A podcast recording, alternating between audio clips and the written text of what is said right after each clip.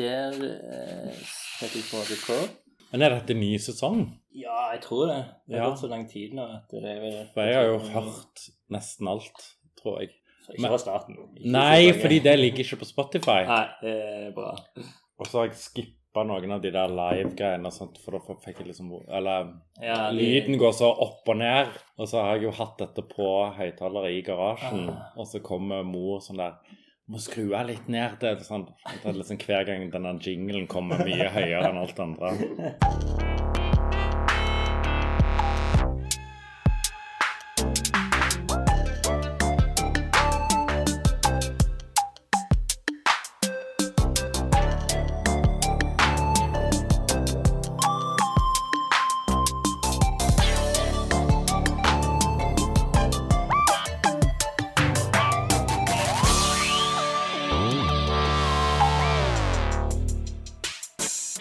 Men eh, velkommen til Lunken kaffe, Tor Erik Bøe. Takk. Vi sitter i Geir Haraldsets sitt eh, bibliotek på Rogaland Mhm. kunstsenter. Og du har akkurat blitt ferdig med en Nesten ferdig med en utstilling. Ja, det er jo alt den kjedelige driten igjen. Er, demontering, frakt. han er vel åpen i to timer til òg. Ja. Pål sitter vakt. Ja. Passer på. Ja. Nå lager denne kaffen ekstremt mye lyd. ja, det er sikkert fordi det bare dryppet unna Å, helvete. Men det går. Ok. Han, han kommer ikke til å gå i lufta. Du, det går Nei, jeg bare kom, kom ikke i bøkene. hadde jeg... um, Ja. ja, men det En ære. ja, nei, det, Vi må egentlig bare gå rett inn på segmentet lunkent bekjentskap. Ja. Hvordan kjenner vi to hverandre? Hei sann! Hvem er du? En ny venn. Vær hilset, min nye venn. Hvordan kjenner vi to hverandre? Så trivelig med nye bekjentskaper. Gøy. Ja, vi gikk på eh, Kunstskolen i Rogaland sammen samtidig. Du gikk i klassen over. Yes. Var ikke du sammen med Ingvild? Jo. Bodde Var det samme kollekt? Bodde liksom med May-Linn og var, var ikke det liksom et sånn var en Jeg bodde der ikke. Nei. Men, jeg var på en fest, hjemmefest der. Ja, ja, ja. Og så var det sånn der Å ja, her bor jo hele andre sammen. Får ikke nok. ja. der Bettina bodde der. Ja, sant. Mm. Men uh, Så det er jo der jeg husker deg fra. Så da første beskjed Det må jo være, sikkert være Flørli, da. At det der var førsteplass vi møttes. Ja. Det må jo være det. Men jeg tror ikke vi Jeg, tror, jeg kan ikke huske at vi veksla noen ord. Altså ikke på Flørni, nei. Nei. nei. Eller på skolen. Jeg eh, vet ikke. Jeg var jo uh... På festene iallfall. Ja, jeg husker Nei, jeg, jeg, ingen, egentlig ingen av guttene i klassen din. Så Det er liksom, blir litt sånn fort sånn at jeg bare snakker med jentene. Ja, sånn, ja.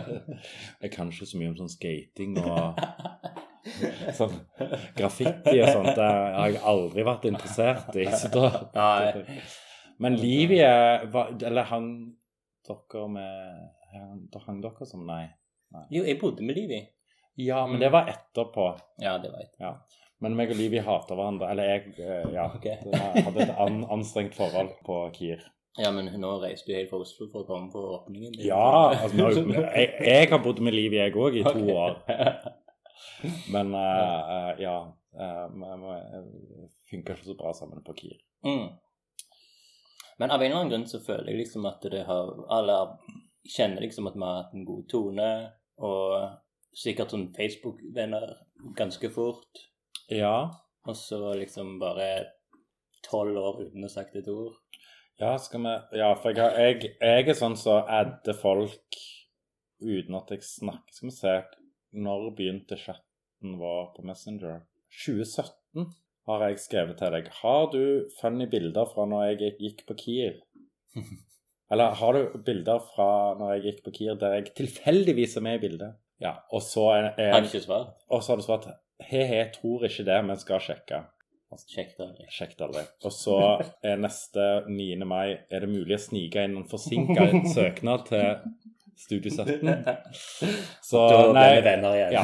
Men jeg ble jo eh, eh, mest glad når jeg, eh, når jeg eh, med alle de der Ingmar Bergman-stripene dine på Instagram. Så jeg yes!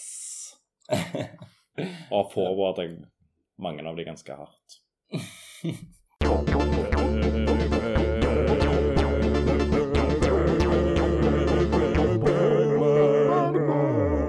Ja, nei, jeg ble ganske obsess når den der NRK Bergmanns liv i fire akter Så så jeg den, og så var jeg sånn der Alle må se den. Ja. Jeg var sånn filmnerd ganske tidlig, men da var det mer sånn Stanley Kubrick og sånt. Og så Mhm. så jeg sånn Syven innsegl og de, og det fenga ikke. Okay. Da Jeg tror Bergman kan du ikke begynne med for ung. Nei, det er sant, det. Ja, for hvis du la oss sammenligne med Kubrick, da, så er jo så Mm. mye mer sånn slående visuell, på en måte. Ja. Mens fotoet Det er jo òg fab i Bergman, men det er, jo, det er jo en helt annen Det er jo ikke så spektakulært og sånt. Det er litt Mm. sånn der sant? Og Ja. det her med lange tagninger og sånt. Du må være litt moden ja og levd litt. Må ha, ha vært, vært i et par forhold og brudd og sånt. Det er jo ikke sånn tematikk så du er hopper inn i som sant. 14 Men kanskje Fanny Alexander kan du synes er litt kul. Ja, men, ja, eh, kan. Kan relatere til Fanny òg, liksom. Ja, og den er jo slående visuell. Mm. Eller den er jo spektakulær. Ja, Ja. ja. ja Kubrick-nivå. ja, den er kanskje mest sånn Kubricks, Mm. sånn sett. Ja. Så jeg var aldri sånn inni Ingmar Bergman, men jeg hadde en jeg har alltid hatt en sånn Jeg husker ikke når det begynte, men sånn bryggende fascinasjon for Liv Ullmann. Mm. Og hele, Som diva, liksom. Som diva og hele det der at det liksom vanskelige forhold hun har med Norge. Eller det er vanskelig for meg nordmenn har til henne. altså Hun frir jo til nordmenn hele tiden, og Mm. folk slår henne i trynet Ja, tilbake. sånn. Men når jeg så den der eh, NRK-dokumentaren, så ble jeg bare sånn Å, herregud. Og den har jeg sett fem ganger. Men den Også, er jo ganske kontroversiell òg. Det er jo sånn Var han nazist? Var, det var liksom sånne ting som dukker opp der. Ja, Som er liksom sånn De skal liksom ta litt. Ja. Og det er jo ikke sånn Du skal jo på en måte ikke like Bergman altså, som og den, person. den slutter jo med at de ramser opp uh, alle prisene og sånn Ja. alle Ridley Scott og alle skal sitte og snakke om Altså, det er jo virkelig sånn der Ikke den, det er den dokumentaren at broren sier at han har stjålet er livet. Å, er, det, er det en annen dokumentar? Ja, det, er den snakker du om i en annen podkast. Ah, det om den. ett et år, ett Ja, ja, liv-greiene. ja. Ja. jeg blander de, da. Ja. Nei, Denne er liksom i Ah. fire episoder, og så er det én episode er liksom Den første er jo om Bergmans galne år. Sant? Når han lagde to filmer, fire hørespill per Gunt, eller ja. Ok, ja. Jeg du kan ikke den- har sett den, da. Å ja, nei, den må du se. Shit, altså. For det er veldig Bergman-tips. Det Ja. har jeg aldri fått i Bergman. Nei, og det ligger på NRK.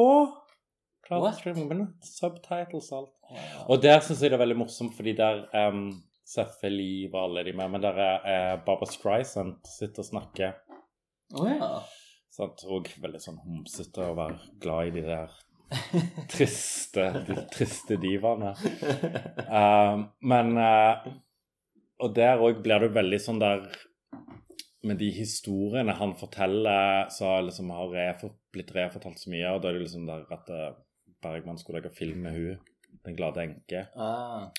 Og så har alle svenskene liksom sagt at hun kom med innsigelse på manuser og foreslo at han måtte komme på poolparty og, og liksom disku, diskutere med og han bare sånn og, og, og Liv sitter sånn der Ja, som om Hun foreslo det at Ingmar skulle komme på poolparty. og så sier Barbara Streisand Jeg har holdt aldri poolparty. Jeg er jo dum i hodet. hodet. ja. Det er jo en historie Liv reproduserer. Mm. Sant? Men Liv vitser jo òg om det der sånn her Nei, han har aldri sett et bilde av meg og Bibbi som ligger og soler oss. For det er jo sånn han forteller at Ja, ja, personer ja. var at han så de to ligge og sole seg. Mm. Så jeg, soler meg ikke, fordi jeg, jeg tåler det ikke. Jeg er så bleik og Så han har aldri sett meg i bikini, han. Så det er veldig morsomt da, hvordan de historiene reproduserer det seg da. Sant? Det er litt sånn som med von Trier eh, og Bjørk, at hun spiste eh, kostymet sitt og sånt. Ja. Og det planter seg liksom nedover, og så sånn, får de bein å gå på, da. Og jeg tenker liksom da, ja, kanskje de, Hvem faen vet? Kanskje Barbara Sørensen hadde et poeng med at det, den akt to at det burde gjøres litt med Han tålte jo bare aldri at noen hadde innvendinger. Det var jo, det, det var jo greia hans. Men ja. ja Nå ble jeg veldig inngående om den. Jo, jo, men, ja. Men jeg syns, jeg syns den dokumentaren er veldig fin fordi den tar høyde for alle de tingene. mm. Går de inn på biografien hans? Da? Nei, de snakker ikke Ja, altså livet hans. Nei, hans, hans egne oh, ja, det um, biografi. Nei, nei, jeg snakker ikke om den. Nei. Så den er liksom delt inn, så det er først, først um, om den der Galne sinnssyke perioden. og så er det en del om når han liksom blir verdensstjerne Ja. og er på time og alt det der, og Mm. så er det en om barndom og nazisme, og så den siste er om den gamle bitre mannen som eh, trakasserer folk på Dramaten. Dramaten. Mm. Hm. Var det med 'Sommer med Monica' han slo gjennom, eller er det en annen som Ja, hva var det de- påstår er liksom hans liksom virkelig Nei, men det var, er jo når, det, det, når, det som liksom de kaller liksom suksessgreiene, det er jo når han, når han blir invitert på talkshow og sånt, når han er liksom litt, Ah, litt det, over ja. sånn kultfilm 60-tallet, liksom? Ja. Mm.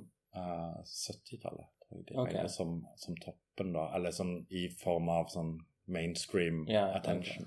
Folk fant den da? liksom. Ja, Mm. men jeg syns det var veldig gøy å se den, og da ble jeg sånn der OK, nå skal jeg gå og se filmene. På kino? Nei. Og da, og da så jeg meg, og da var det jul, og det gikk Fanny Alexander på TV. Og det husker jeg at den har jeg sett at den alltid går hver Mm. jul. Og så var jeg sånn Herregud, hvorfor har jeg ikke sett den før? Mm. Så jeg og um, han jeg var sammen med da, Andreas, vi så da fire filmer på rappen eller noe sånt. Men så kom jeg til hviskninger og rop, og da sa jeg sånn her Nå er det nok. Nå må jeg se Harry Potter. Jeg orker, orker ikke mer. så hviskninger og hviskninger og rop prøvde jeg å se nettopp igjen, og jeg måtte stoppe. Jeg bare, jeg, jeg, bare, jeg bare klarer det ikke. Og den er sånn den er jo virkelig den filmen ingen må begynne med. ja, For der får du jo alle de Bergman-fordommene når det, hun ligger Men Liv Ullmann er jo dritpen i det, og nydelig. Veldig flott foto. Ja, ja, ja. Og Liv Ullmann med de der puppene. Jeg har aldri tenkt på henne og pupper, men gud, den kløfta Der er det pusha Der er det snørt opp i livet. Uh, så det er litt morsomt å se, men du må ta av lyden i så fall. Ja. Det blir for mye for meg. Og jeg har ikke Du har sett alle, du. Jeg har, Mm. jeg har liksom bare sett. Jeg har sett uh, Høstsonataen, uh, van Alexander, uh, Jomfru Kielland ja. Jordbærstredet. Den har jeg ikke sett. Har du ikke sett den? Nei, og den må jeg jo se. Jeg holdt på å si i forhold til tematikken min til utstillingen. um, og så har jeg lyst til å se den der uh, Face to Face Nei, hva den heter den? Jo, Så Liv ble Oscar-nominert for. Jeg har hørt òg veldig mye, det for jeg Kanskje det er ansikt Nei, ikke Jo, ja, noe sånt. Og Skammen har jeg òg lyst til å se. Skammen var det jeg trodde du ble Oscar-nominert. Nei.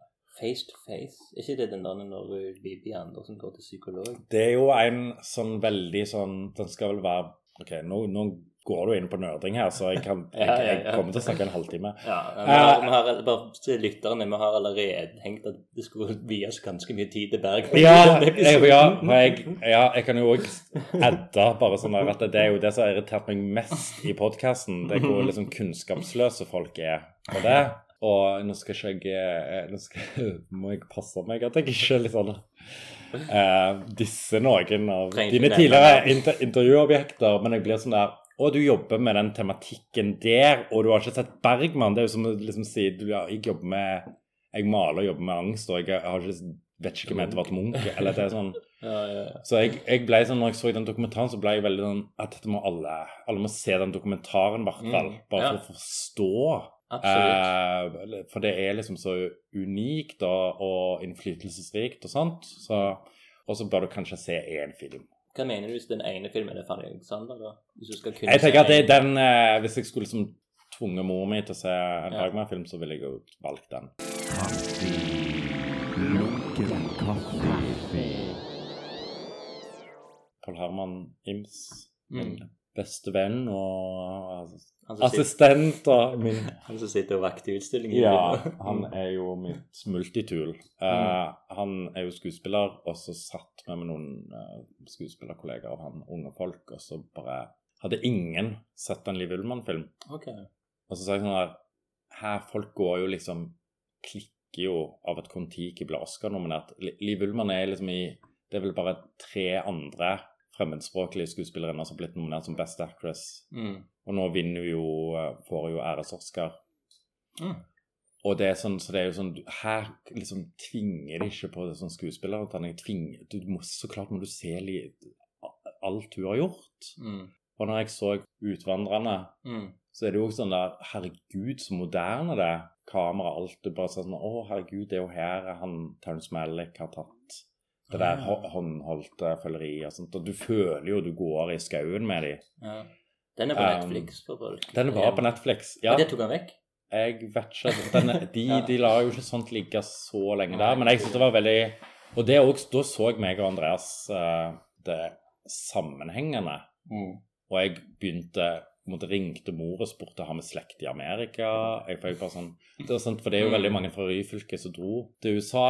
Så da ble jeg bare sånn Wow, hun er jo en helt sånn fantastisk skuespiller. Mm. Så jeg har googla masse hun og sett Så jeg har hørt mye på sånne podcaster. Jeg bare En sånn ganske da irriterende podkast som heter Best Actress.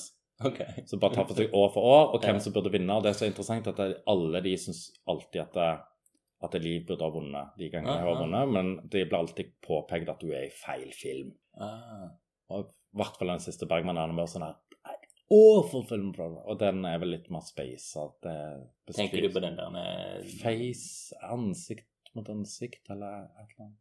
Oi, det var den du tenker på? Ja, og den var, er vel en av de mer eksperimentelle han gjorde. Det er vel bare litt sånn sinnslitt Ja, han i podkasten blir sånn her Den handler om ingenting. Hun er veldig bra, hun går rundt og angster. Ja.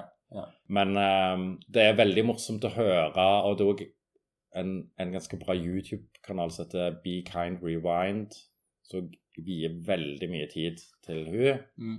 Og det er veldig sånn der Hun snakkes jo som en sånn pioner, da, innenfor skuespillerfaget. Og så har jeg tenkt på det at jeg kjenner jo òg litt problemer noen ganger med, med hun, og det er jo den der svarsken og sånt. Så tenker jeg sånn der, åh, For amerikanere så høres jo det De henger seg jo ikke opp i det. Nei, nei, nei. Så de kan, går jo bare på kroppsspråk og det. Ja. For jeg syns jo det er vel litt rart i scener fra ekteskapet. ekteskap. Jeg syns du snakker rart hele tida.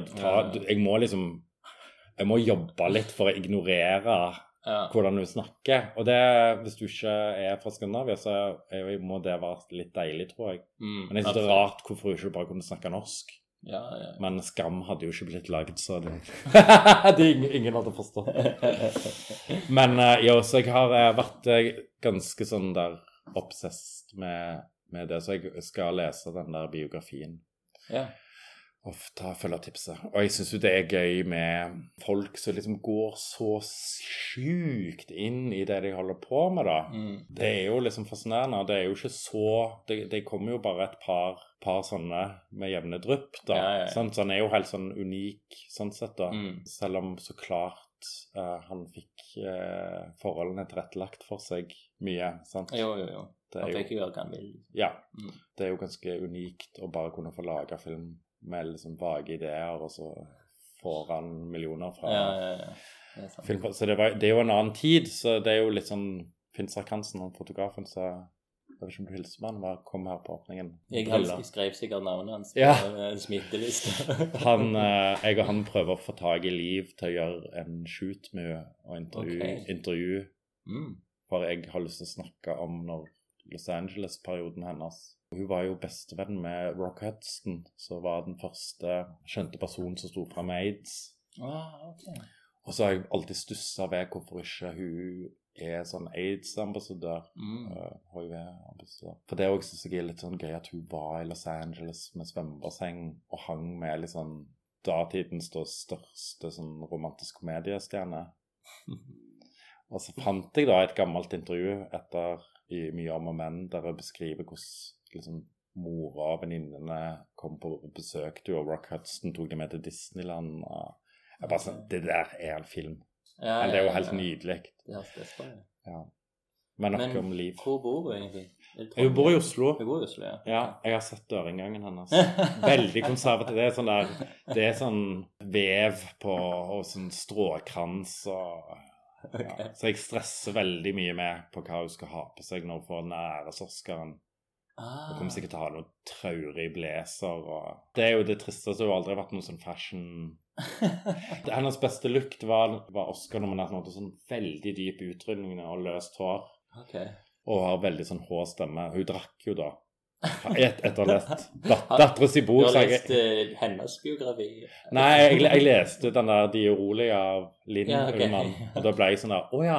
For alltid jo stussa ved Jeg syns det har vært litt sånn der Det som gjør at jeg ikke elsker henne mest i verden, er, er det der avholdsgreiene. Jeg stoler ikke på avholdsfolk. For det er sånn der De føler jeg på en måte er sånn spioner eller sånn muldvarper. De, det er bare de som har vært avholds hele livet, vel? Ikke de som har blitt nykterist. Nei, altså har du vært tungt alkoholiker, så skal du få lov til å bli avholds. Det er ikke det jeg sier. Men, men det kanskje hun var det. Eller når du leser den boka, så virker Ja. det som det gikk ganske mye, Ja. mye fest. dranks Mm. og mye whisky. Så på den ene Oscar-klippet som du finner på YouTube, der har hun sånn To expose! Så det har veldig sånn der Kanskje hun sigger òg. Det har veldig bra stemme. Vi prøvde å spørre Blikk om vi kunne gjøre det, om de hadde vært interessert i det. Og da, noen uker etterpå, så ble det kunngjort at du skulle få æres-Oscar, og da var jeg sånn der, faen. Nå, Mm. altså, nå kommer jo Vanity Fair og Vogue, vil jeg gjøre portrettitter. Og jeg syns du skal velge Vogue over Tor Erik Bøe, som bare har sett litt på YouTube.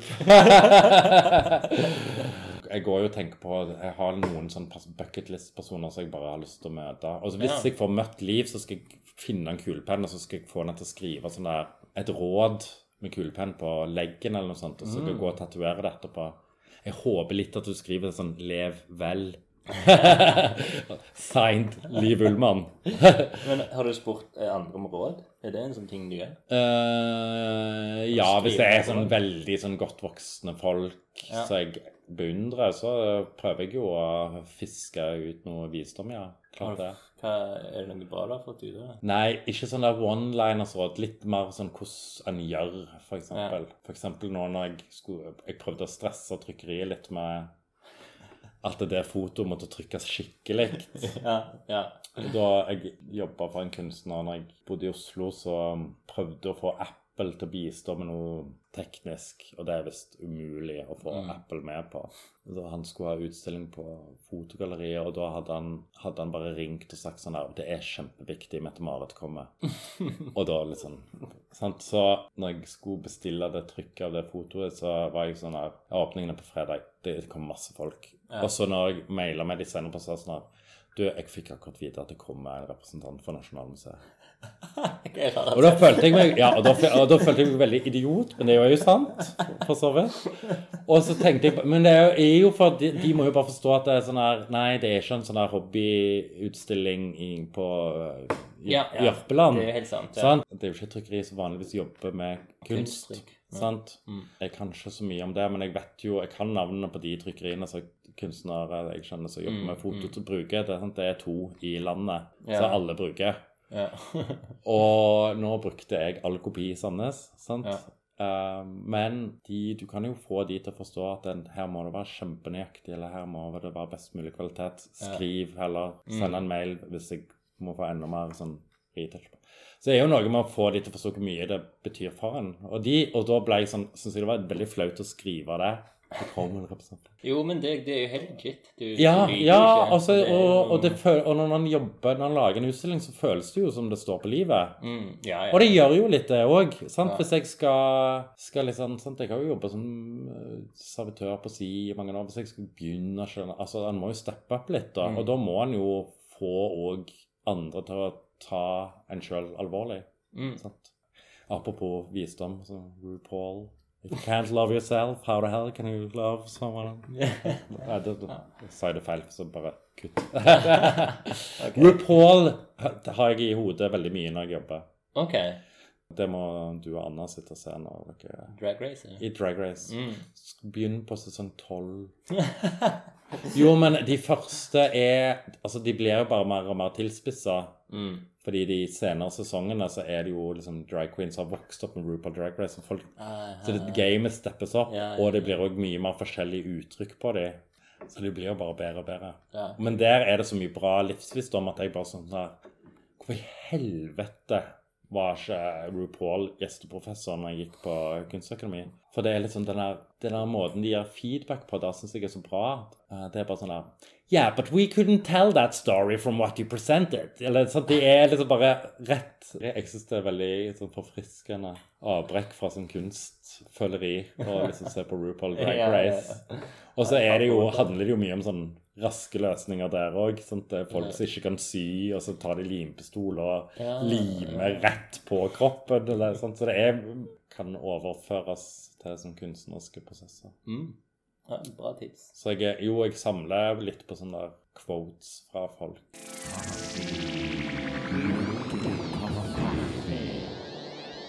Men du må faktisk snu bitte litt tilbake igjen båndet nå, for at eh, du gikk på kunstskolen, og, Og så, så- gikk du prosjektskolen. Yes.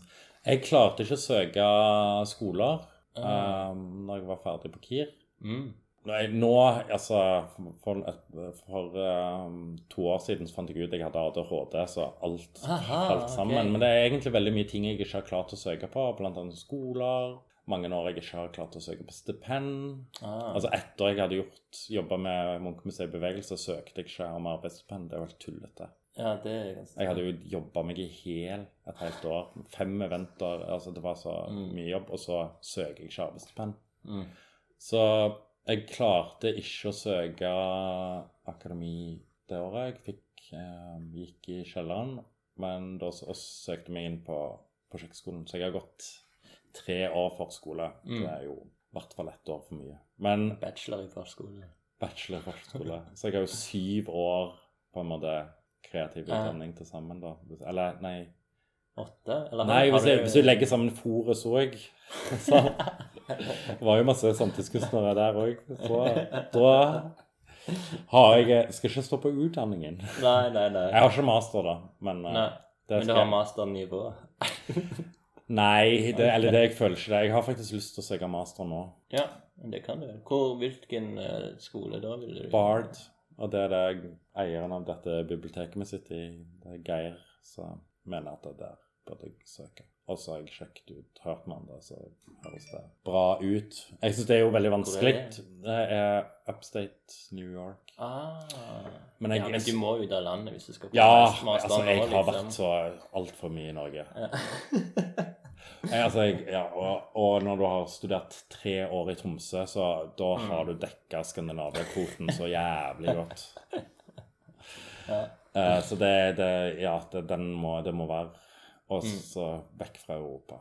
Og så har jeg jo alltid jobba med masse amerikanske folk, og liker meg veldig godt Ja. i USA. Så da KIR, prosjektskolen, Tromsø hva, hva skjedde da, liksom, når du var ferdig? Fikk din bachelor der? Ja, nei, stå i det kleine.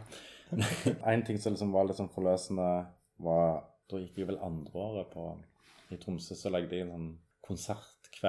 Et, en kveld med følsomme gutter. Mm. Da hadde jeg veldig mye kompiser som lagde musikk.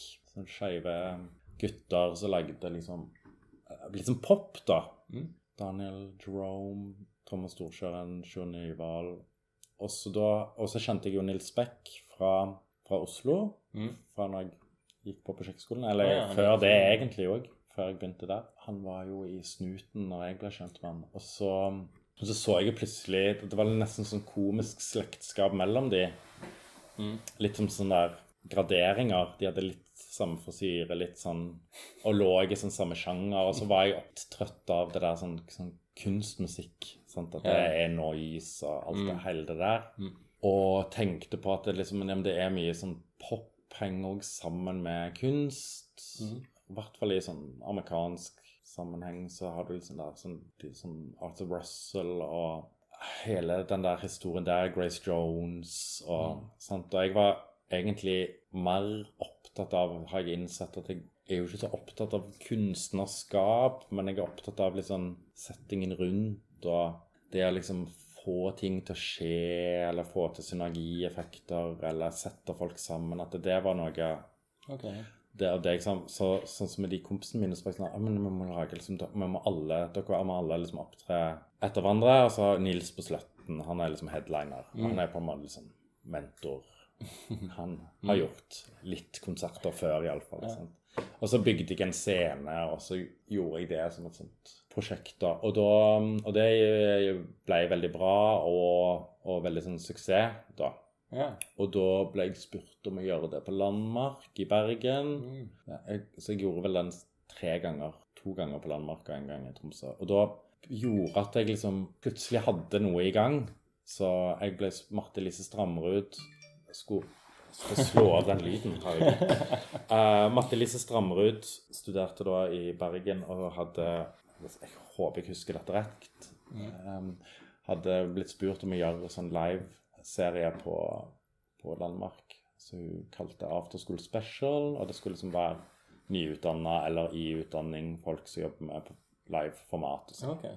Og så spurte vi om Følsomme gutter ville være første ut, og så etter et par ganger så ringte hun Etter hun hadde arrangert et par ganger, så ringte hun og sa tror jeg er jo ikke så opptatt av performance egentlig. Kan ikke du være med? Du har så mange ideer. Kan ikke du gjøre det sammen med meg? Sånn, så ordner jeg med penger og sånt. Aha. Og det var jo perfekt. Ja. Så da jobba jeg med henne. Og da var jeg på en måte i gang liksom rett ut av skolen, da. Fra Tromsø. Og så flytta jeg til Oslo og fikk jobb på kafé. Og så pendla jeg til Bergen og hadde Ah. de arrangementene der. Okay. Og så, etter å ha gjort det i en periode, så møtte jeg Jenny Hagevik Bringaker. Mm. Og da var det liksom veldig mye kunstnerdrevne gallerier i Oslo.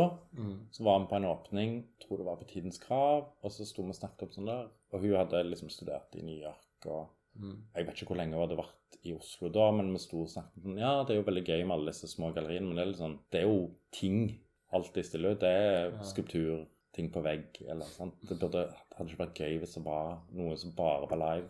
Mm. Mm. Fokusert, og da, da ble det liksom trollkrem, da, Mm. etter hvert, da. Som jeg opprinnelig ville at vi skulle ha faste kvelder, sånn som jeg hadde hatt med Marte Elise på Landmark, at Mm. vi kunne ha det på Kunstnerens hus. Hva husker du cirka om årstall? Altså, Trollkrem ble det er 2013. Ok, ja. Jeg kommer til å være jævlig dårlig på årstall. Jeg, Ja. Ikke spør når jeg, når jeg gikk ut fra skolen, men jeg Nei. husker Trollkrem i 2013, Ok, bra. 2017. Ja. Ok. For, fordi det har jeg skrevet så mange ganger nå. Og det ville vi jo skulle være sånn fast arrangement på Kunstnerens hus, og så laget vi en sånn her med opp masse sånn koko-ting vi ville gjøre. Men dere ville bare at det, Ok, vi vil gjøre det der, og så Ja, og vi vil, vi vil, vi vil være et sånt plattform eller konsept for Mm. livekunst, da. mm, På Kunstnerens hus. Det, ja, det var opprinnelig. Og så Ja. Da hadde jo de akkurat gjort veldig mye omstrukturering der, og de skulle ha One Night Only der, og de skulle ha De hadde veldig mange samarbeids... Torpedo skulle ha bokbutikk der. Okay, ja. Så vi var litt overflødige da, men jeg tror de sa sånn at dere kan få to kvelder. Okay. Så vi, bare, vi gikk jo bare og banka på dør. Ja. Litt sånn som jeg gjorde her.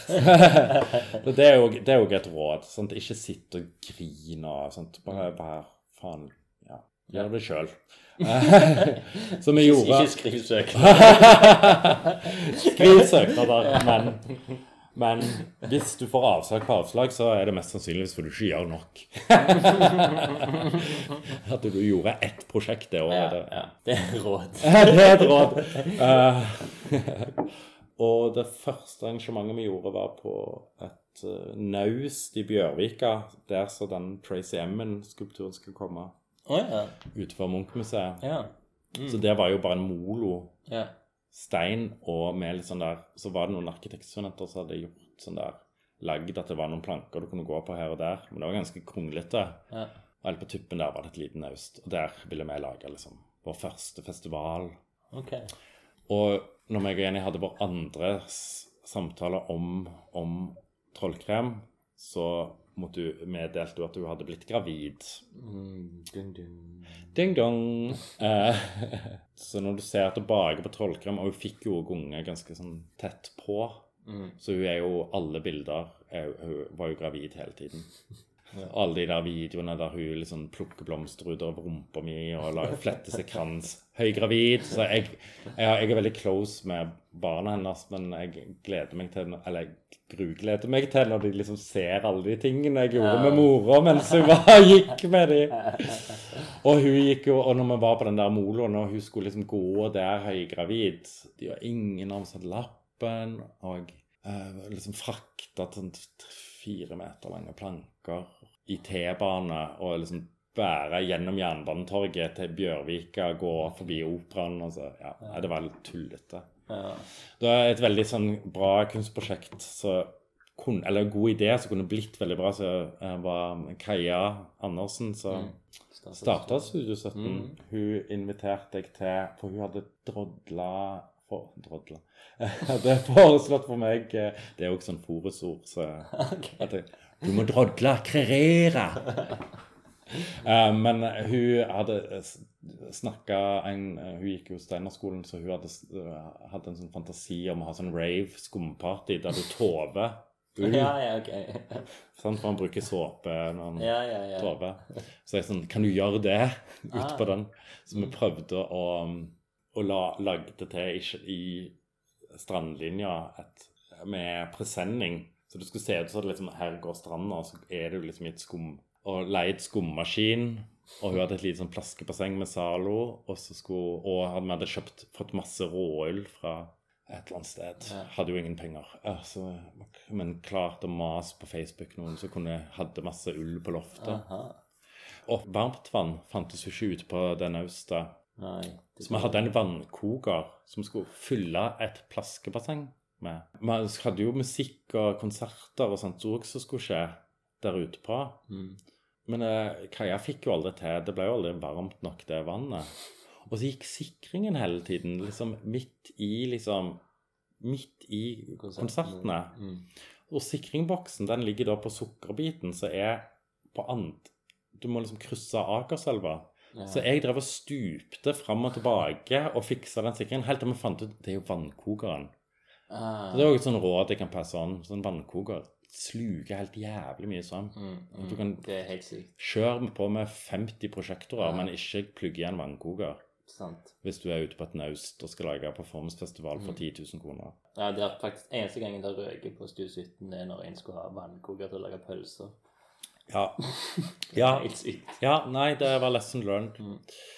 Um, ja, nå må du spore meg inn. Ja, På noe, eh, men nå- det gikk bra til slutt. Jeg tror folk hadde det gøy. Jeg, det, det er veldig mye som ikke gikk som det skulle der. Jeg- men jeg syns jo det var gøy. Ambisjonsnivået var morsomt.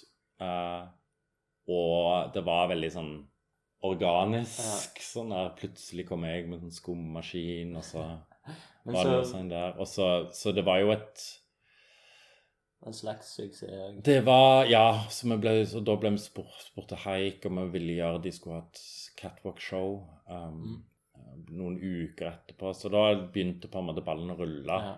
Så dere blir spurt mye da etterpå? Eh, Ja, mye sånn der vennegreier.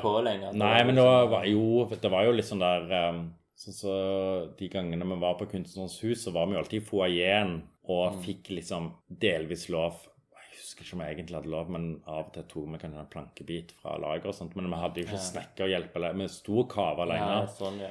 liksom mens kafédrift var åpen og sånt. Mm, Um, men um, når Det var vel etter Fotogalleriet vi ble spurt om vi ville ha solutstilling der. Da okay. ble vi mer en sånn het potet.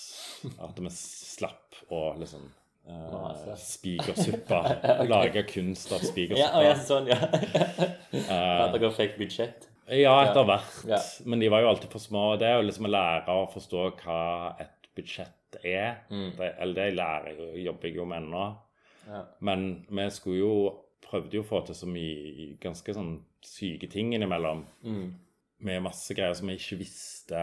Hva, hva, hva kosta en VR-personprogrammerer i timen? Eller du vet, det var veldig mye sånne ting da vi ikke kunne spørre sånn kunstnerkollegaer sånn Nei, ja, hva, hvem bruker du? Fordi det var, nei, det var ingen som hadde lagd en sånn video før. eller sant? Så det var jo liksom prøving og feiling, og honorarer røyk alltid. Men etter hvert ble jo budsjettene litt større. Ja. Um, og at Men honoraret ble aldri noe av. ja, honorarene ble aldri Nei, de røyk som oftest. Men, ja, men at han lærer jo til at sånn Nei, men en, eh, sånn så, Etter hvert brukte vi f.eks. samme, samme lydmann hver gang på hvert arrangement. Og da var det sånn Nei, men han koster 10 000. Men han er så flink Mm. og selvdreven. Han forstår hvordan vi tenker, og han kommer på tida, rigger sjøl. det, Apropos Bergman, jeg har tenkt Å, Kubrick og alle disse Altså, de har jo disse samme, faste samarbeidspartnerne, Mm. og det er har jeg tenkt mye på sånn ah, det er jo, det er jo veldig viktig. Mm. Um, så vi, ja, vi brukte Christian Obermeier som lyd hver gang, Mm. og det var litt sånn safe uh, for oss at da, da tenker vi ikke mer. Er ikke det noe stress? Mm. Og det tror jeg er viktig at, at det liksom, du holder litt på når du har en god dialog et sted, og bare hold, hold på det, da. Absolutt. Lysmann der av en eller annen grunn så hadde vi ny hver gang. Og det har jeg tenkt var litt dumt, fordi at hvis vi hadde brukt forskjellige eh, samme lysmann flere ganger, så kanskje etter hvert det hadde utvikla seg til noe. Sånn, kunne blitt kreativ. Ja, ja, sant, for jeg ja, sant, men jeg ville jo ofte gjøre ting som de syntes var vulgært og trashy, sånt der, og bruke sånn diskolys eller sånt. Eller, hæ, nei. Og, og Trollkrem handler jo også om å hele tida rullere på involverte. sant, Det skulle ikke være så klikkete. Mm. Sant? Jeg møtte, så Torben Rødland på en åpning i Los Angeles, gikk ikke spurte. De var drittfull, og han ville ta et bilde til den plakatserien vår. Og han noterte i blokka, og så fikk vi han med. sant? Nice. Og det var jo, var jo veldig gøy. Han gikk jo veldig inn, inn i det, og så var det veldig morsomt. Han sendte meg litt sånn ah, 'Det bildet Ja, nei, jeg vet ikke.' Og så, når vi fikk det til, så var det bare sånn Wow, det er det beste Eller, ja, det var jo helt fantastisk. Okay. Og han tok flere bilder med hun um, Actually Husenga. Um, så en venninne jeg har i Los Angeles. Så er jeg liksom litt midt mellom splatter, porno og pop. Ok, ja. Og hun er litt sånn Woody Allen-aktig. Hun lager sine egne, egne musikkvideoer og klipper de sjøl. Og, Mm. og så, så hadde hun en um, for halvannet år siden covra Bruce Springsteen og så lagde en musikkvideo. Og så bare ser jeg på den musikkvideoen så er jeg på sånn her Der sitter faen meg Torbjørn Rødland som statist og spiser biff med en sånn sabel. Og da tenker jeg sånn her når folk spør sånn, «Ah, hva er du mest fornøyd med, og det er sånn øyeblikk jeg er veldig fornøyd med at jeg på en måte har vært, hatt, spilt en rolle i det, at de to har møttes. Ja, ja, ja. Og når det begynner å leve litt på sin Mm. egen hånd, det får jeg veldig mye sånn glede av, da. ja. At det, han blir statist i hennes univers, syns jeg er kjempemorsomt. Det er jo det jeg på en måte tenker at min praksis handler mye om. da. Prøve å vri hodet på det, det sosiale aspektet, men òg koble folk sammen fra forskjellige felter og etc. Den uh, utstillingen du har nå, den andre soloutstillingen, Mm. hva var den første? Den første het Sloppy Sculptures og var på galleriet Nebbe i Fredrikstad. Ok. Veldig seriøst navn. Det. Nebbet. Og så- jeg gikk i Troms, Sigrid Benz, som jeg gikk i eh, Tromsø med, så spurte meg om jeg ville stille ut der. Når var dette? Har du Å årstall? gud, nei, det husker jeg ikke. Det var er det tidlig, liksom? i Ja, det var Tro- mm, hadde begynt. Mm. Jeg, nei, jeg husker ikke. Det er, det er jo altfor lenge siden. Ja. Men du husker hva det var du stilte? Ja, det husker jeg jo veldig godt. Herregud. Det var, veldig, det var en veldig fin utstilling. Ja? Så jeg lagde bøyd aluminiumsstenger som stakk ut fra veggen, så jeg dekte med stearin og brennende lys, og så hang det truser og sokker på. Okay. Så jeg vet ikke, skal jeg sånn utdype hva hvit stearin som går litt sånn snett, hva det kan ligne på? Det var jo litt sånn tydelige metaforer der. Men det ble et veldig sånn fint rom, da. Ja. Sånn Sakralt. Det var jo Det, det nebbet der, er det lite, eller? er det- var et litt sånn rart bygg, litt sånn kontor eh, Ja, noe de hadde fått leia billig av i Fredrikstad. Ok. Ja. Fins det ennå, tror du?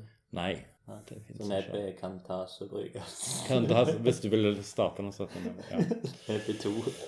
Uh, nei, men de bytta navn til Nebbelux når jeg stilte der, så de gikk fra Nebbet. Og de hadde logo med et nebb på, og så Ja. bytta de til Nebelux. Nebelux visningsrom. Okay. Apropos ja, Jeg var jo veldig opptatt av det med navn når vi skulle veldig for, Jeg tror det var litt suksessen til Trollkrem, var jo navnet. Ja, hvor kom det fra? Alle intervjuer med Trollkrem handler om det. Ah, så jeg, mener, jeg kan repetere det for lytterne som ikke Ja, ja, ja. har lest. Men altså, det jeg kom fra vi hadde, hva, hva var andre alternativer? Altså, godt for øyet var andre alternativer. Jaha. Det er noe Nils Beck pleier å si når han ser en sjekkegutt sånn Han var god for øyet. Eh, og så trollkrem Ja, nei, fordi det er visst det på Østlandet så tror jeg hvis du har sex med ei jente som har mensen, og det renner ut en blanding av sæd og blod, så kaller han det for trollkrem. Aha. Og desserten så klart med tyttebær. Så vi likte at det var sånn dobbeltbetydning av sånn husmannskost, dessert og noe, noe litt sånn body art. Og at vi tenker at vi lå jo litt midt mellom dessert og, og sex. ja. Um, og at det liksom funka litt på andre språk.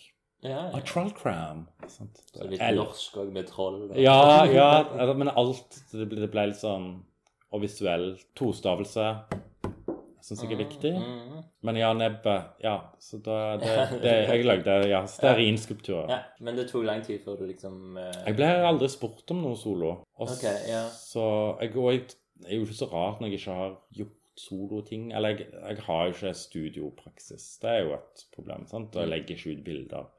Jeg må bli litt flinkere til å legge ut bilder av ting jeg har gjort, fordi sånt, Instagram er jo litt sånn en sånn kommenteringsflate for Ja. det òg, og det jeg sitter litt langt inne. Mm. Jeg har jo gjort ting. Det blir sånn fem millioner sånn der Throwback Thursday-poster.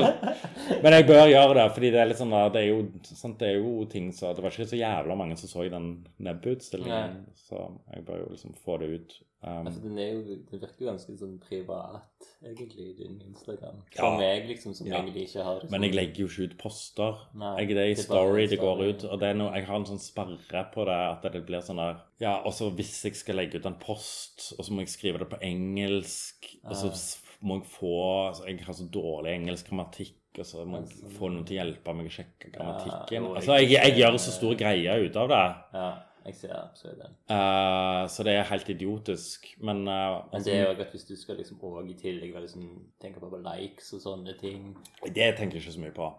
Men, det, men jeg, det er jo om det ser litt sånn kleint ut. mm. Sånt, Om det er selvskryt. Kommentarer, da, det er Det er veldig gøy med gode kommentarer. uh, ja, kommentarer er jo Herregud, så klart bryr du deg om det. Ja, ja, Og så er det veldig irriterende når folk omtaler deg på en måte som du ikke vil se på deg sjøl som. Og det syns jeg var veldig irriterende med trollkrem. Så var, følte jeg at mange liksom misforsto eller, eller sånn påsto ting som jeg tenker ikke stemmer, f.eks. mm, mm. At det er litt sånn er alt, alt er lov, estetikk og så sånn. Nei, vi var faktisk ganske spesifikke. Selv om sant, vi lekte oss jo mye med sånn som med de plakatene, så lekte vi oss jo med litt sånn på en måte litt mer sånn der harry ting som ikke er sånn klassisk eh, bra grafisk design. Sånn, ja. Hver er plakat skulle jo være forskjellig. ja. Så det var, når vi var på New York Art Book Fair med de første gang de ble vist, så var jo Anna Solberg der fordi det, Norge hadde sitt eget rom. Okay. Trollkrem delte bord sammen med Kuk og Parfyme, venner fra Tromsø, som hadde sånn fanzineprosjekt. Og da lagde meg og Jenny de plakatene første batch, som var fem-seks. Jeg husker ikke hvor mange de første var. Det ble jo 17 til sammen til slutt, men vi lagde de jo litt over tid. Så det var sånn fanposter for performancekunstnere. Mm. Faktisk vært stilt ut eh, på Kunstsenteret. Når Geir stilte ut hele privatsamlingen ja, sin, så hang ja, de alle ja, på rekke og rad. Da ble jeg veldig glad. Og, og da var det jo ny grafisk designer, ny fotograf per bilde. Noen ble brukt flere ganger, men vi prøvde liksom å liksom Hvem er det gøy tar bilde av den personen, og hvordan skal vi løse det grafisk oppå det? Sant? Mm. At det var sånn ei kake med tre lag, der sammenstillingen var det som var morsomt. da. Mhm. Og da kommenterte Erna Solberg når hun kom til vårt bord, for hun tok sånn der runde med noen sånne Moma-folk. Ja. Så sa jeg sånn der Ja, veldig, veldig danseband-estetikk. Og så gikk hun bare videre.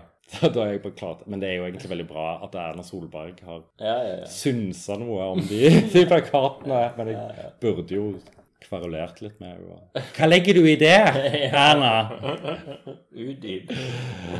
uh, men uh, Så det er jo Altså, jeg er jo mest redd for at det liksom med Instagram og liksom, at det, det høres bare pretensiøst ut. Ja, sånn. ja.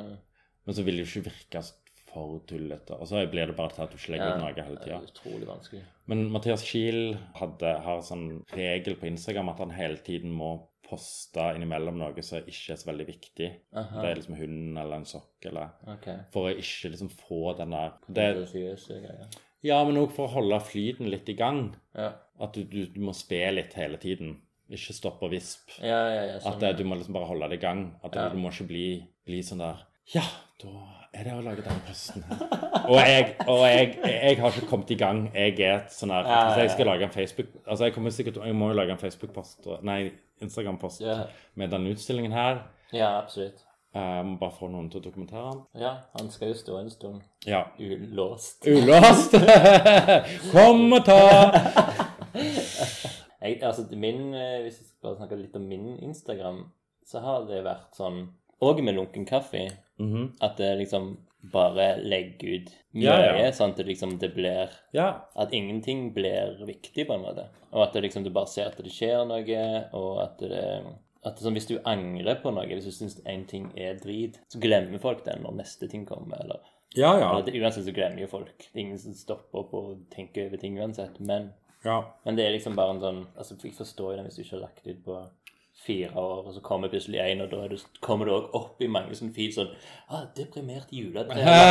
Ja, ja. For første gang på mange år. Ja. Gå og like denne posten. Ja, sant. Jeg er jo en nysingel òg, så jeg må, det er noen sånne der kjærestebilder, så jeg må bare få litt ned i den der Ned fra forsida der. Så jeg må jo spe på litt. Apropos når vi ble kjent. Jeg tror første gangen jeg skrev youtube.com at det var på datarommet på Kier. Jeg tror YouTube og Facebook kom det året. Ja, ja. Jeg husker veldig godt at Livia viste en YouTube-video, og det er veldig komisk, for det var den Sneezing Panda. Aha. Og så skriver Andreas Homa sånn der Ja, min datter er Nei, jeg får ikke til det der. Og så der Ja, så er det jo sånne katter som sover, men det er jo liksom interessant, men også liksom helt meningsløst, da. Det er Ja. Det, ja. Eller det, Ja, jeg husker det med Facebook òg. Jeg tror òg det var da. Mens jeg gikk på KIR. Ja, eller Det her kan vi jo sikkert google på. Jo, ja, men jeg husker Jeg tror det var litt et, et par år etterpå. Men tenk at jeg gikk et år etter deg, da.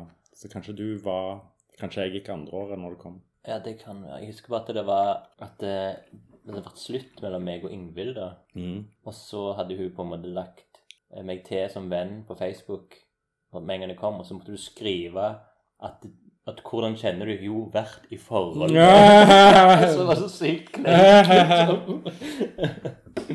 Jeg synes det er veldig gøy med folk som fyller ut all den informasjonen på Facebook. Ja, så jeg jobba der og der og der. Eller sånn der. Så tar det sånn bånnseriøst. Men så er det også irriterende. Jeg har masse venner som ikke legger inn bursdagen og sånt der. For, sånt, jeg har, Ja, men det er det eneste som Det er jo det det funker for. Ja, absolutt. Men jeg, der òg har jeg jo begynt å få sånn sperre at jeg glemmer av og til å skrive 'gratulerer med dagen', fordi jeg tenker å, jeg må finne en riktig video et bra ja, ja. bilde. Ja, Og så glemmer jeg det. Jeg ja. Og da kan du ikke si det. Gratulerer med dagen med noen du Nei! sant? Og så, og så bruker, lager jeg en kjempebra gratulasjonspost. Det kan, det kan jeg være ganske god på. Nå er vi på selvskryt her. Men eh, jeg kan lage Jeg kan være god på sånn festtaler. Å ja. Ja. Eller begravelse, bryllup. Og Begravelse også. Ja, jeg har holdt noen taler av begravelsestaler. -hmm. Men det må være rett person. Så vet jeg. Ja, og så må jeg ha Jeg har hatt noen dårlige òg, men, eh, men jeg, jeg, jeg har Ja, jeg, skal Det kan jeg være jeg. Ja, jeg kan være god på det. Så jeg kan òg ha det litt gøy med å lage sånne der Facebook-gratulasjonsmeldinger. Ja. Fordi du, det kan du òg få like på. Absolutt.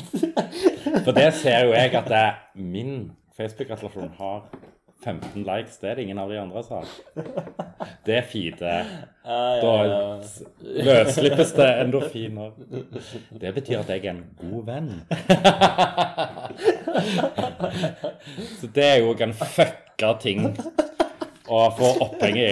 Altså, ikke skriv arbeidspensøknad, men legg nå sjela inn i den der Facebook-gratulasjonen. Så det Ja, der har du meg. Men du, jeg lurer på om vi skal gå innom eh, det faste innslaget etablert. Se på meg, jeg er etablert. I dag så er jeg helt utlært. Ungdommen jeg har, den forsvant. Jeg er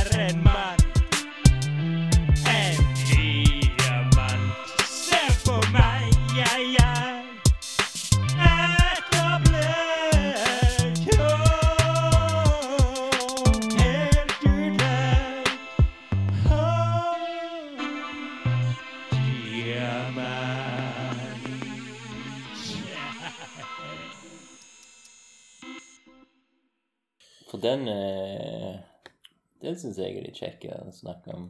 Ja, for det er liksom om han føler seg etablert, eller om han føler Eller hvor Ja, han hvor- føler at han er i livet. Ja, egentlig. Altså Nå har, du- har du jo gått gjennom en karriere. Du har jo hatt en karriere. Første solutstilling på veldig lenge, men at det har liksom alltid skjedd noe. Du har, du har ikke stått stille. Det, Jo, altså, dette er jo første som har skjedd på lenge. men Bergen-greiene, da, som var rett før. Ja, det var jo etter, etter skolen. Å, residency. Ja, men et residency, det det, Altså, det jo Der eh, sitter du og surfer på nett. Eller der gjør du det samme du gjør hjemme, bare at du sitter ved siden av andre kunstnere. Altså, det var, det var, Jeg syns, residencyen er liksom det beste med å være kunstner. Ja, jeg har aldri klart å søke på det. Det er første gang jeg har søkt på det. Okay, ja. Så det var veldig, det var veldig bra for meg ja. å gjøre det. Fordi jeg er så treig med å sette meg sjøl i gang. Mm. Så det å liksom sette seg sjøl i en sånn situasjon, det var veldig sånn greit. Og at det er litt sånn tidsbegrensa. Fordi Trollkrim hadde atelier, og det funka ikke i det hele tatt for meg. Altså, så jeg bare sånn at jeg trenger Jeg skal aldri bruke penger på et atelier. Mm. Jeg får bare dårlig samvittighet for at jeg ikke er der nok, og alt det der. Så, sånn for meg Jeg hadde hatt mer hjelp i å betale en assistent for å hjelpe med selvangivelse, eller alle de Mm. tingene jeg er ja. suger på. For det må jeg jo bare skjønne at det er en del ting jeg er drittdårlig på. Mm. Men nå vet jeg at jeg har ADHD, så det, det er jo en grunn til det. Det har jo ikke noe Men det er med en sånn organisering og ting og tang. og Det er jo derfor jeg ikke tenker jeg er kurator, f.eks. Fordi en kurator er, organiserer ganske mye og har mye Mm. praktisk ansvar og logistikk, og det er jeg ikke god på. Jeg er, er virkelig ikke god på. Men Eventplanlegger, er du mer det? Hvis du ikke altså, hvis du ikke- jeg har liksom drevet Jeg har alltid drevet litt i de der titlene. Men, Ja. men nå når jeg skulle tenke på f.eks. det med å søke master, så fikk jeg sånn sammenbrudd når jeg liksom Å, herregud, hva avdeling skal jeg gå på? Ja, sånn, ja. For jeg sier alltid når jeg begynner på noe, så er det sånn Jeg, jeg kan jo ingenting. Mm. Sånn at jeg har ikke en skill. Jeg, jeg, jeg er ikke snekker. Jeg, er ikke, jeg kan ikke klippe. Jeg er ikke god i Photoshop. Eller det er litt sånn her, jeg er litt sånn nybegynner på alt. Mm. Og så, ja sånn, Klart jeg er god på noe, eller at det, er noen ting jeg gjør, så liksom Men, men jeg har ikke den der, sånn der den spissa solotingen som liksom spør, tror jeg. Mm. Altså noe du gjør med hendene, da. Ja, ja, jeg det. Sant? Men jeg kan jo spy ut forslag på liksom, arrangementdel, eller hvordan ditt og datt, hva bør skje, hvem ditt og sånt. Men har du noen nærliggende tema? Det har vi jo mer eller mindre. Jo da, og det er klart det er ting, altså, det er- Kunstnerskapet ditt er jo fullt med liksom Jo, ting, Du kan lime det sammen til en ball. liksom. ja, men det er noe med det og liksom Sånn som når jeg jobba med denne utstillingen her, så ble det sånn der Å, herregud. Dette kan jeg ikke. Ja, sånn, ja. Dette kan jeg ikke. Like- Og så er det sånn der, skal jeg trykke det bildet er sånn, Jeg vet ikke. Hva er for RGB-smykk eller altså, Jeg blir sånn Jeg har jo vel lært dette en gang. Eller sånn det, ah, sant, Så jeg føler meg nyetablert sånn sett Ja. hele tida. Ja. Egentlig. Fordi, det, fordi jeg har ikke liksom nøda meg inn i et hjørne der jeg er sånn der Jeg kan alt om Så jeg har veldig sånn spredt Spredt kunnskap. Ja, ja, sånn- Men den eh, Ja. Og det Så når jeg skulle se på master, så bare sånn Hæ, hva avdeling er jeg? Det, det står ikke mongo noe sted. Så jeg bare, Hvor er det jeg hører hjemme? Men da sa Geir eh, at Da spurte jeg han, siden han var så veldig på at jeg hadde snakka så mye om skolen med han, så Mm. sa han at sånn Herregud, du er skulptur. Mm. Og så linka til Wikipedia-artikkel 'sosial skulptur'. Og så tenkte jeg ja, Mm. men det, det stemmer jo. Fordi jeg har jo alltid bygd på en måte scenografiske elementer, eller lagd en sånn intervensjonsaktig struktur så liksom disse programmene skjer på. Og så er programmene òg en del av materialet som jeg adder. Ja. Så selv om jeg er en noob når jeg skal gå og handle disse materialene eller finne riktig skrue, og jeg bruker feil skruer, og far min går og gremmes, så, så er det jo kanskje innenfor der jeg er, da. Så nei, jeg, etter Trollkrem så ble det helt stille, og det var veldig vondt. Mm. Det var veldig kjipt. Og for da gikk jeg fra på en måte å ha en sånn karriere, da. Sant? For det var jo litt karriere da. Sant? Det var Munch-museet, det var Momentum og? Øyafestival. Øyafestival og sant? Eller det var ja, Momentum var jo veldig stas, fordi der var det liksom skikkelig budsjett. Det var Og Masse. Superfint. Det er en av de få tingene jeg faktisk har sett på bilder og videoer. liksom. Så Å, ja. Var du IRL? Nei? Nei, jeg så det bare på en eller annen video, men stedet Tor Erik nå Ja, ja, og det var jo der Jeg følte med Trollkrim landa jo aldri helt hvor, hvor skulle vi være i en sånn der utstillingssetting. Mm. Altså, kan vi lage ting som kan liksom henge eller stå i mange dager? Mm. Og da var det jeg kom på Da hadde vi gjort Soppen om Performancefestivalen, så var jo en blockbuster, og da Men det var det. Så synd du ikke var der.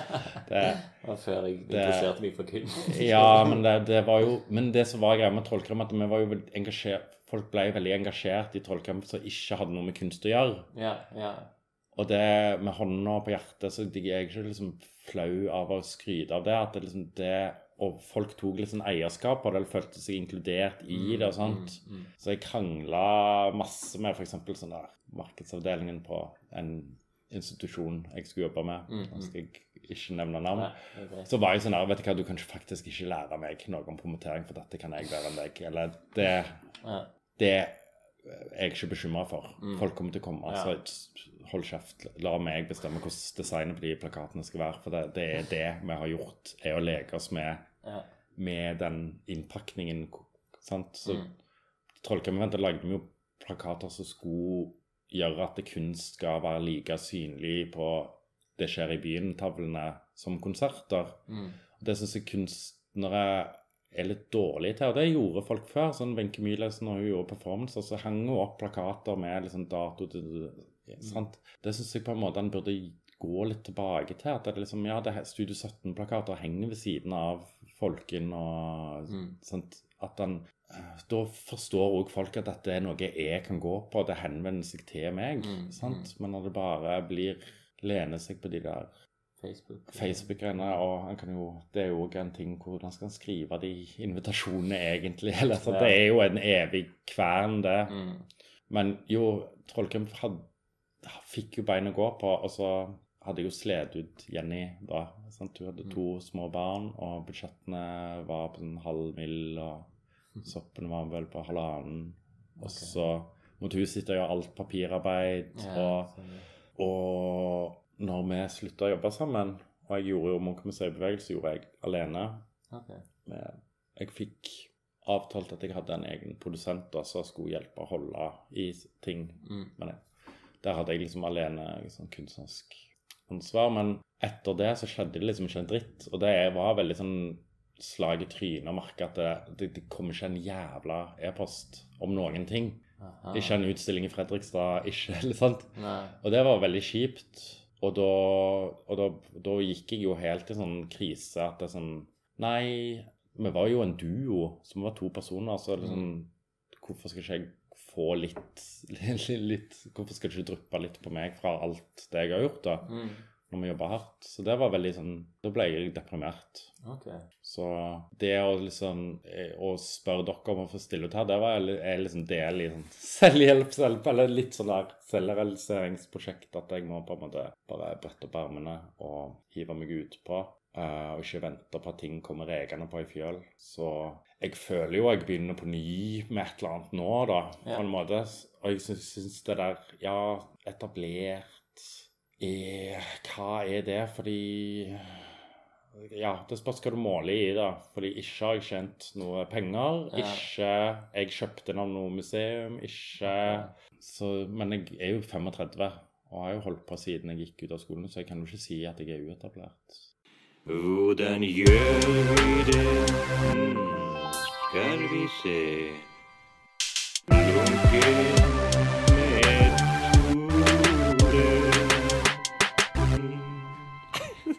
Altså, nå er vi her.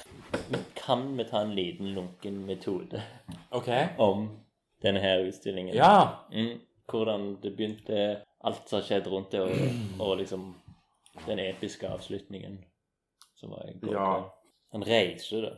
Ja. Reiseskildring. Mm, ok. Det begynte Altså, først Jeg hadde en residency på Kiosken Studio i Bergen. Mm. Uh, var invitert av Siv Stødelal, uh, klesdesigner som vi jobba med i, til Momentum. Mm. Om jeg ville gjøre noe der, og så Og det var egentlig eneste sånn tilbud jeg har fått på Ja. ganske lenge. sant? Og jeg liker veldig godt å jobbe med siv og sånt, så det da ville jeg lage noen skulpturer av skjell, så jeg samla jækla mye skjell og satt og skrubba de rent. Kiosken, veldig bra folk og sånt, men de har ingenting verksted. Så jeg fant jo aldri helt ut av hvordan jeg skulle feste. Eller, ja, det var Så jeg brukte altfor lite, og jeg endte opp med å ha kassevis Mm. igjen. Og det jeg har sett, det er vanvittig mye. Det er Ja, faktisk ufattelig mye. Ja. Og jeg, jeg har jo skrubba disse for hånd på, på liksom fortauet. Og de der kuskjellene som jeg ikke fikk brukt nå heller. De, de har fire muskelfester som er- sitter så jævlig godt. Det er sånn skjell som kan bli opptil 500 år gammel, gamle. Og de, jeg måtte bruke nogler for å skrape av. Det var nesten litt manisk, hele greiene. Og det kiosken det ligger ned på liksom kaiområdet til Sundsgade i Bergen. Okay. Så jeg bare tenkte sånn, jeg har aldri fått lov til å sitte sånn her. Men jeg, og det begynte jo å stanke etter hvert Mm. det her. For jeg kom jo ikke gjennom alle på en kveld, så jeg satt jo i ei uke. Så derfor var det viktig for meg at det her må jo brukes. Her har jeg lagt ned så mye tid Mm, i seg mm. sjøl. Ja. Og foreldrene mine Jeg bor hjemme hos mor og far siden jeg øh, Ja, meg og kjæresten gikk fra hverandre. Og da, og da ble jeg sånn Jeg skal ikke finne meg et nytt sted i Oslo. Jeg vil flytte meg. Og så, var, og så var det korona og det vet. Så da Ok, så hvor, hvor lenge har du vært på Stjernøy? Jeg couchsurfa ganske lenge i Oslo, for jeg ble sliten av det òg. Du ble litt sliten Ja, ja, ja. av det. Så Du holde folk og sånn. Nei, men mer det at du føler deg som en sånn klegg Ja, har, ok. eh, Eller et veggdyr som har inntatt leiligheten. Ja. Og det er sånn kompleks jeg har. sånn der okay. Jeg vet at jeg er en person som tar mye plass, og, men jeg er bevisst det. Og så det blir sånn krig i meg sjøl. Så jeg kan liksom på en måte ikke være diskré. Det er ikke i min natur Nei. i det hele tatt. Så det blir sånn der Det blir sånn som sånne store hunder som tror de er valp. Prøver å sette seg i sånne små stoler. Det, det er sånn Ja. Anyways. Så da Så jeg har vært på Stjerneøy siden februar. Ok, ja. Og de her residencene var i mars-april. Mm, mm. Du, jeg, jeg har merket at du alltid går tilbake til årstall, og jeg klarer ikke å huske hva måned jeg nettopp var på residency. Jeg liker å plassere Ja, jeg tid og det. sted og Ja, det er men, eh, Litt for lytteren, jeg.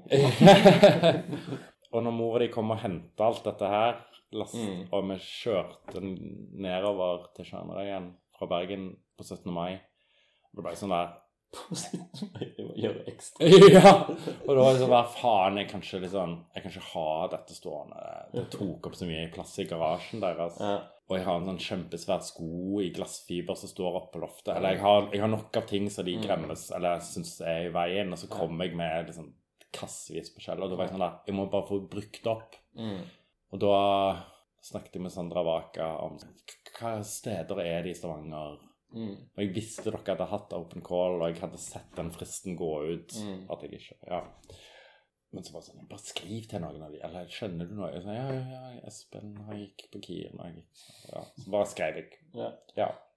Så det var begynnelsen. Og det var at, liksom at jeg bare ville få brukt opp ting. Ja. Og jeg må bare si da at eh, mitt standardsvar er alltid Vi har open calls, du søker der, vi Mm. det den. Men du er lokal. Det, det må vi jo liksom satse, satse litt på å få hele tida. Mm. Og du hadde aldri stilt ut i Stavanger før. Mm. Eh, så jeg var liksom sånn OK, kanskje i fellesferien Bare så det liksom noe nytt. Ja. Vi kan ha en sommerutstilling. Det er litt løye. Så jeg spurte liksom de andre, og da var det jo flere som kjente til deg. Og liksom ah, Tor Erik, du er liksom Ja. kult, liksom. Det er absolutt eh, Vi må jo gjøre det, liksom. Og vi har Kulturrådet har, Vi må jo skrive rapporter til de, så det er sånn ah, Kan vi lure inn der? Og så er det sånn kan vi har to inviterte utstillinger i året? Mm. Tor Erik fitter perfekt inn der, liksom. Så ja. Og så videre til deg igjen. Ja, jeg tenkte jo Og når du sa sånn, er det greit med utstilling i, i fellesferien, er jeg bare sånn Hæ? Folk, det har jo vært fellesferie i to år. Så det gjør jo ingen forskjell. Altså Ja, det er Ja. sant. Så det Det er jo først nå at folk kom, kan komme inn i galleriet. Det er liksom Jeg, tror, jeg husker ikke å ha vært på bar og drukket øl. Jo, jeg var, jeg var på London pub i Oslo. i, under pandemien, mener du? Nei, ja, ja. Mm. Men jeg har jo bodd i Oslo bodde i Oslo fram til februar. Ja. Så det var litt sånn Det å sitte på Martinique i går var, liksom der, Og med så mange kjente, det var litt sånn Det kan jeg ikke huske sist. Nei, nei. Så jeg var veldig veldig glad for at uh, dere uh, klarte å skvise meg inn der. Mm. Veldig glad når du skrev at det er litt penger òg, sånn, det hadde jeg ikke regna med. Ja. i og med Så, og da bare begynte prosessmetode, ja. ja. Og da, sant, så Lunken metode, takk. ja, så var jo at det at jeg skulle bruke opp det jeg allerede hadde, men jeg gikk jo og bare plukka enda mye mer greier på skjermen. Jeg fikk brukt opp masse sånn gips, akryl, sånn akrylbasert gips jeg hadde kjøpt i Bergen, så jeg aldri brukte der. Okay, ja. Men altså, alle østersene ligger jo ennå der, så ja. Du ser på dem. Jeg ser på det, så jeg, jeg har jo nok til å lage tre til sånne utstillinger. ja. Så det var ideen, og så var det det at jeg ville lage en At jeg ikke skulle lage festival. Eller det var sånn at jeg skal ikke gjøre festival på Nytorget, for det er veldig sånn lett for meg å havne inn i. Og så skal jeg ikke gjøre noe sånn relasjonelt eh, Gjøre om Studio 17 til badstue og lage håndklær så folk kan Sånn der Nei, det skal være individuelle skulpturer. Mm, mm. Salgsutstilling, tror jeg òg. Ja, okay. Nei, nei. Det er her skal start, jeg skal maile Statoil eller Equinor. Aha. Jeg skal selge Eller alle sånne ting jeg aldri har gjort. da. Ja. Litt som sånn der benspenn, da. At jeg Mm. måtte sånn der Nei, det skal være dødt. Ja. Uh, og så kan du jo se, si at jeg har jo på en måte drevet meg ut på mye innenfor det, fordi at det, sånn, Ja, de er skulpturer, de står av seg sjøl, men kan de flyttes på? kan de Ja. Er det, og det er litt sånn det var, det var motivasjonen min. Jeg ville det, Her kommer jo alle ting som ikke kommer her, men det var verkslistetitler Ja, ja.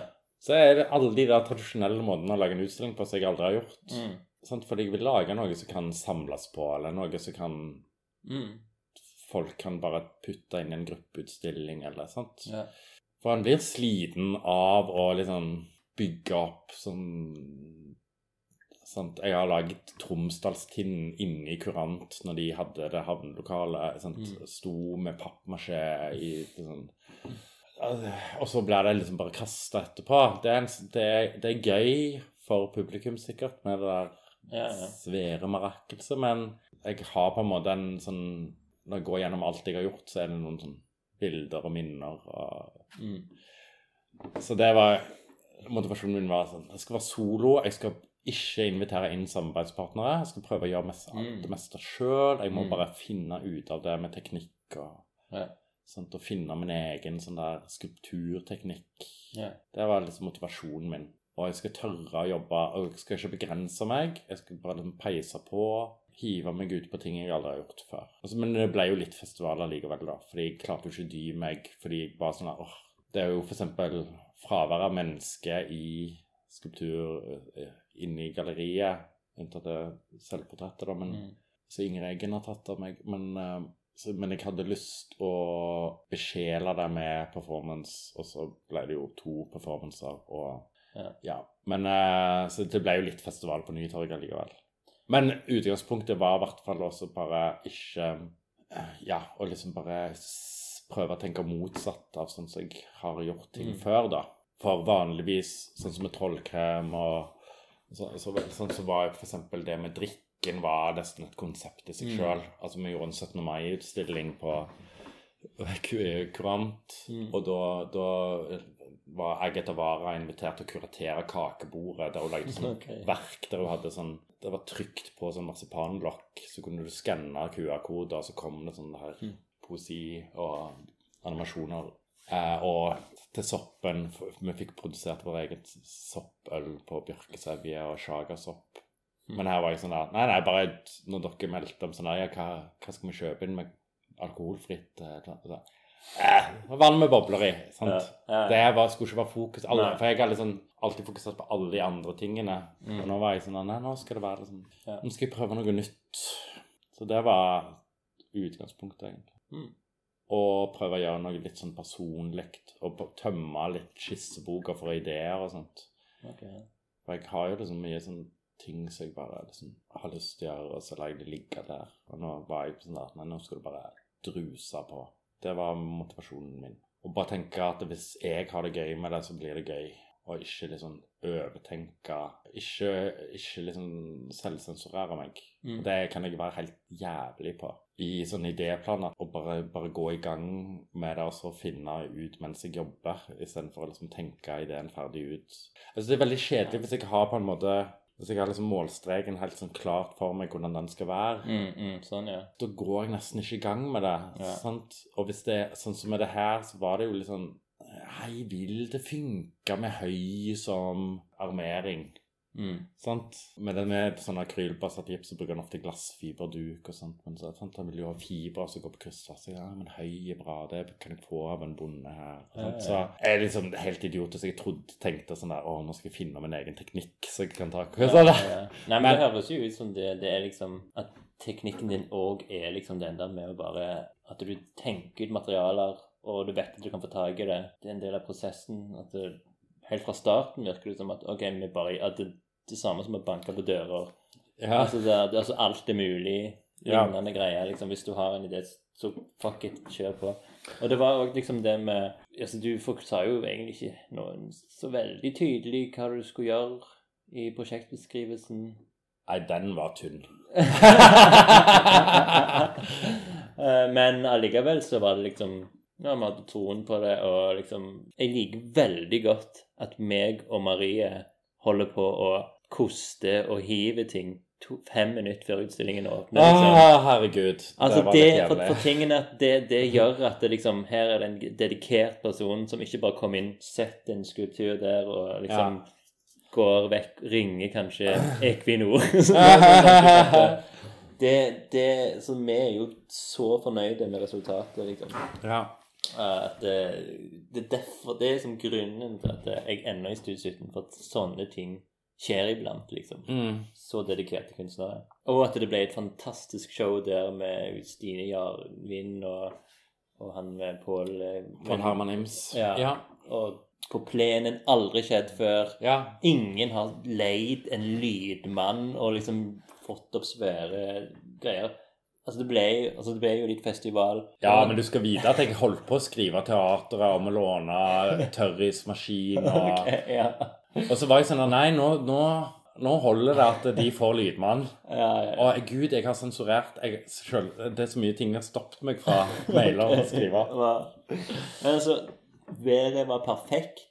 Ja, det var veldig. Gresset var grønt. Ja. Det var folk fra den der eh, Altså, det var en sånn eh, vintage eh, samtidig, der de som solgte, danste og Ja, ja, sang ja. med, og liksom ja. Det ble, ble liksom bra sånn West Side Story.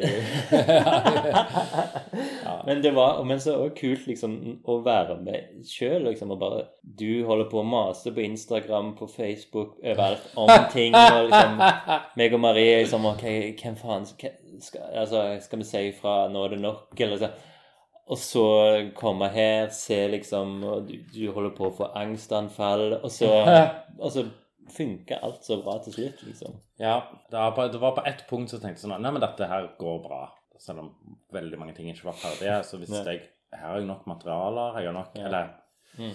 sånn, Det har, kan ha noe med den ADHD-medisinen at jeg på en måte sånn, På det som skjer med ADHD, at du får en krasje innimellom. sant? Ja. Oppmerksomheten går fra sånn fullt på topp og rett Mm. ned. Ja. Det gjør at du ikke klarer å holde en kontinuitet. Sånn. Mm. Mm. Så det er liksom første gang jeg føler at jeg har på en måte klart å stå i ting sammenhengende. Ja.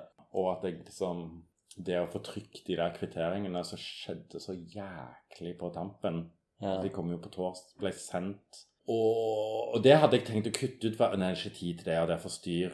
Og så var Ja. Pål sånn der Nei, men det er skanner her. Må bare gjøre det. Kom igjen. Ja. Og så måtte jeg Nei, men jeg har ikke Photoshop. OK, Ingrid og Pål, kanskje hun kan bare sette opp. Vi må ha det sendt nå. og Marie, kan du hente kjøre ut i platen? Sant? Og jeg er veldig glad for det. Dette, herregud, de adder jo kjempemye til skulpturene. Mm. Jeg er veldig fornøyd med at jeg følte at eh, ja, at ting kom sammen. Mm. Og jeg det er veldig mye ting jeg har lyst til å liksom, ta videre. Sant? Ja, så bra. Det er ikke krise at jeg har mer materiale igjen. Det er liksom Nei. ting jeg har, ting jeg har lyst til å prøve ut mer av. Det er mange ting jeg hadde lyst til å gjøre her som jeg ikke heiv meg ut på. Og så jeg er glad for at jeg ikke gjorde òg sånn Jeg hadde jo tenkt å dekke alt med epoxy og sånt, og det hadde jo vært et lite sånn helvete. Og... Men Men det som også er litt sprøtt, er det, det her alt denne svære, ambisiøse utstillingen som det egentlig har blitt, den er til sammen åpen i seks timer. ja, det er jo bare fordi at jeg ikke gidder å sitte vakt. Men jeg bor jo ikke i Stavanger, så Ja. det er litt sånn Men det skal jo være sånn. Jeg syns jo også det er superviktig det da, at folk kommer. Det skjer her og nå. Folk må komme og få det med seg. Ja. Og så, Altså Børre Sætre snakka en gang om, om liksom at han hadde sånn barndomsminne om når, liksom, når eh, sirkus kom til Hamar. Og bare se liksom det reiser seg opp, ja. Altså neste dag er det borte. Mm. Det er jo noe gøy med det. Mm. Det er jo ikke sånn at jeg syns all kunst må være sånn her insane uh, sånn total installasjon der du liksom Det er jo noe jeg liksom jobber mye med i mitt eget hode. Bare sånn Herregud, er du for barokk nå? Er dette liksom Altså, blir du steina? Eh, det her er så off. Eller er du liksom Skulle, skulle du blitt blomsterdekoratør? Har du bare valgt feil fil i Ja. Men Men en, en time før åpning så sa du var kjempenervøs. Hva følte du en time etter åpninga, midt i det, liksom? Mm, jo, for jeg, jeg fikk jo ikke se på utstillingen når folk kom inn døra. Mm. Ja, du bare dysjte, men Ja, for jeg spurte jo dere dagen før, så jeg sa sånn til Marie sånn Vaskehjelp, dere må være med. Aha, ja, ok. Ja. Det var jeg liksom Så Ja. jeg, jeg har ikke tid til å gjøre det den, så Mm. det er pri. Ja. Så gikk det jo litt, litt Vi gikk jo Det tok oss jo litt for god tid på Ja. å fjerne det gulldekket og sånt. Mm. Og jeg så jo det når ting sto på dekkplassen, at de skulle det er for seine. ja, sånn. Så, nei, eller det er for tett plassert, så jeg tok jo bare og flytta sånn, sånn dritraskt, og så bare Og da hadde jo folk begynt å komme inn døra, og da måtte jeg bare springe og dusje for ikke sånn Folk skal klemme, og så lukter du drit og la deg klokka fem om natta. Mm. Og det har jeg òg lovt at det er liksom uansett bare dusj. Ja. Og vi bodde jo rett bak i hugget. Mm. Og når jeg kom ned, og da, da måtte jeg og Da gikk jeg og hilste på folk, og så måtte gå og ta en runde sjøl og bare se hvordan ble det. og det var ikke planlagt, egentlig. Eller målet var egentlig å være ferdig med ting og heller bare stå og tvike på og flytte ting rundt på fredagen før åpning. Mm, mm, mm. At jeg skulle være ferdig på torsdag. Men jeg så jo det på torsdag at jeg ikke ble ferdig. Og med det som jeg jobba med, meg og Pål, Pål Herman, så hjalp meg jo helt sjukt mye. Mm. Um, så så jeg at det her, her må vi faktisk sove, fordi hvis vi jobber to timer til nå, så begynner vi å snuble og rase ned Ja, ting, eller du vet. Ja. Så det, jeg har jo lært det jeg har slutta å døgne og sånt. Det Mm. gjorde jeg mye før. Og bare sånn der, nei, is i magen, is i magen. Bla, bla, bla. Jeg er, jeg er veldig fornøyd, egentlig. Ja, det er noen det, Altså, jeg kan påpeke masse pirk Ja, som jeg syns er er drit, drit men, eh, men jeg tror ikke det er Og jeg tenker det er jo det et sånt vis Det, det var jo derfor jeg òg syntes det var så greit med dere, for jeg tenkte at det var og det er ikke å si at det er på en måte det, Altså, det, det, føler at det er rom for å drite seg ut, da. Mm, ja, ja. Det er jo prosjektrom. Ja. Det det. Ja. Mm. Men for å drite seg ut, så må du jo legge noe Mm. odds inn. sant? Du må Ja. satse. sant? Mm. Jeg syns det er veldig provoserende å komme på en åpning hvis det er noen du kjenner, og du merker at det, her er det gitt veldig lite. Du har Mm. putta veldig lite inn i det. Ja. Og jeg tenker på en måte Det var det jeg håp, tenkte på når jeg holdt på med det her, at jeg håper ikke bare folk sitter igjen med en følelse av at det er veldig mye skjell. Det må ha tatt tid. At det var noe mer av det der kvantumgreiene som Ja, sånn, som ja. opplevde. Jeg vet ikke hva du tenker, men sant, jeg, det verste Eller Altså, jeg tror Altså, det er så mye Jeg tror bare det er så mye, liksom. Altså, mye forskjellig, og det, det liksom Ja. Helheten skrudde det jo superbra sammen. At folk kommer jo tilbake. Altså, folk som var der i går, de, kom, de ville jo tilbake igjen. Liksom, Ja. Det her, jeg vil se det mer. Og det, det var ingen som nevnte engang Kjell. Det var noen som sa sånn Kan du formidle dette for meg? Det, det klarte jeg ikke. Dørvakt. Liksom.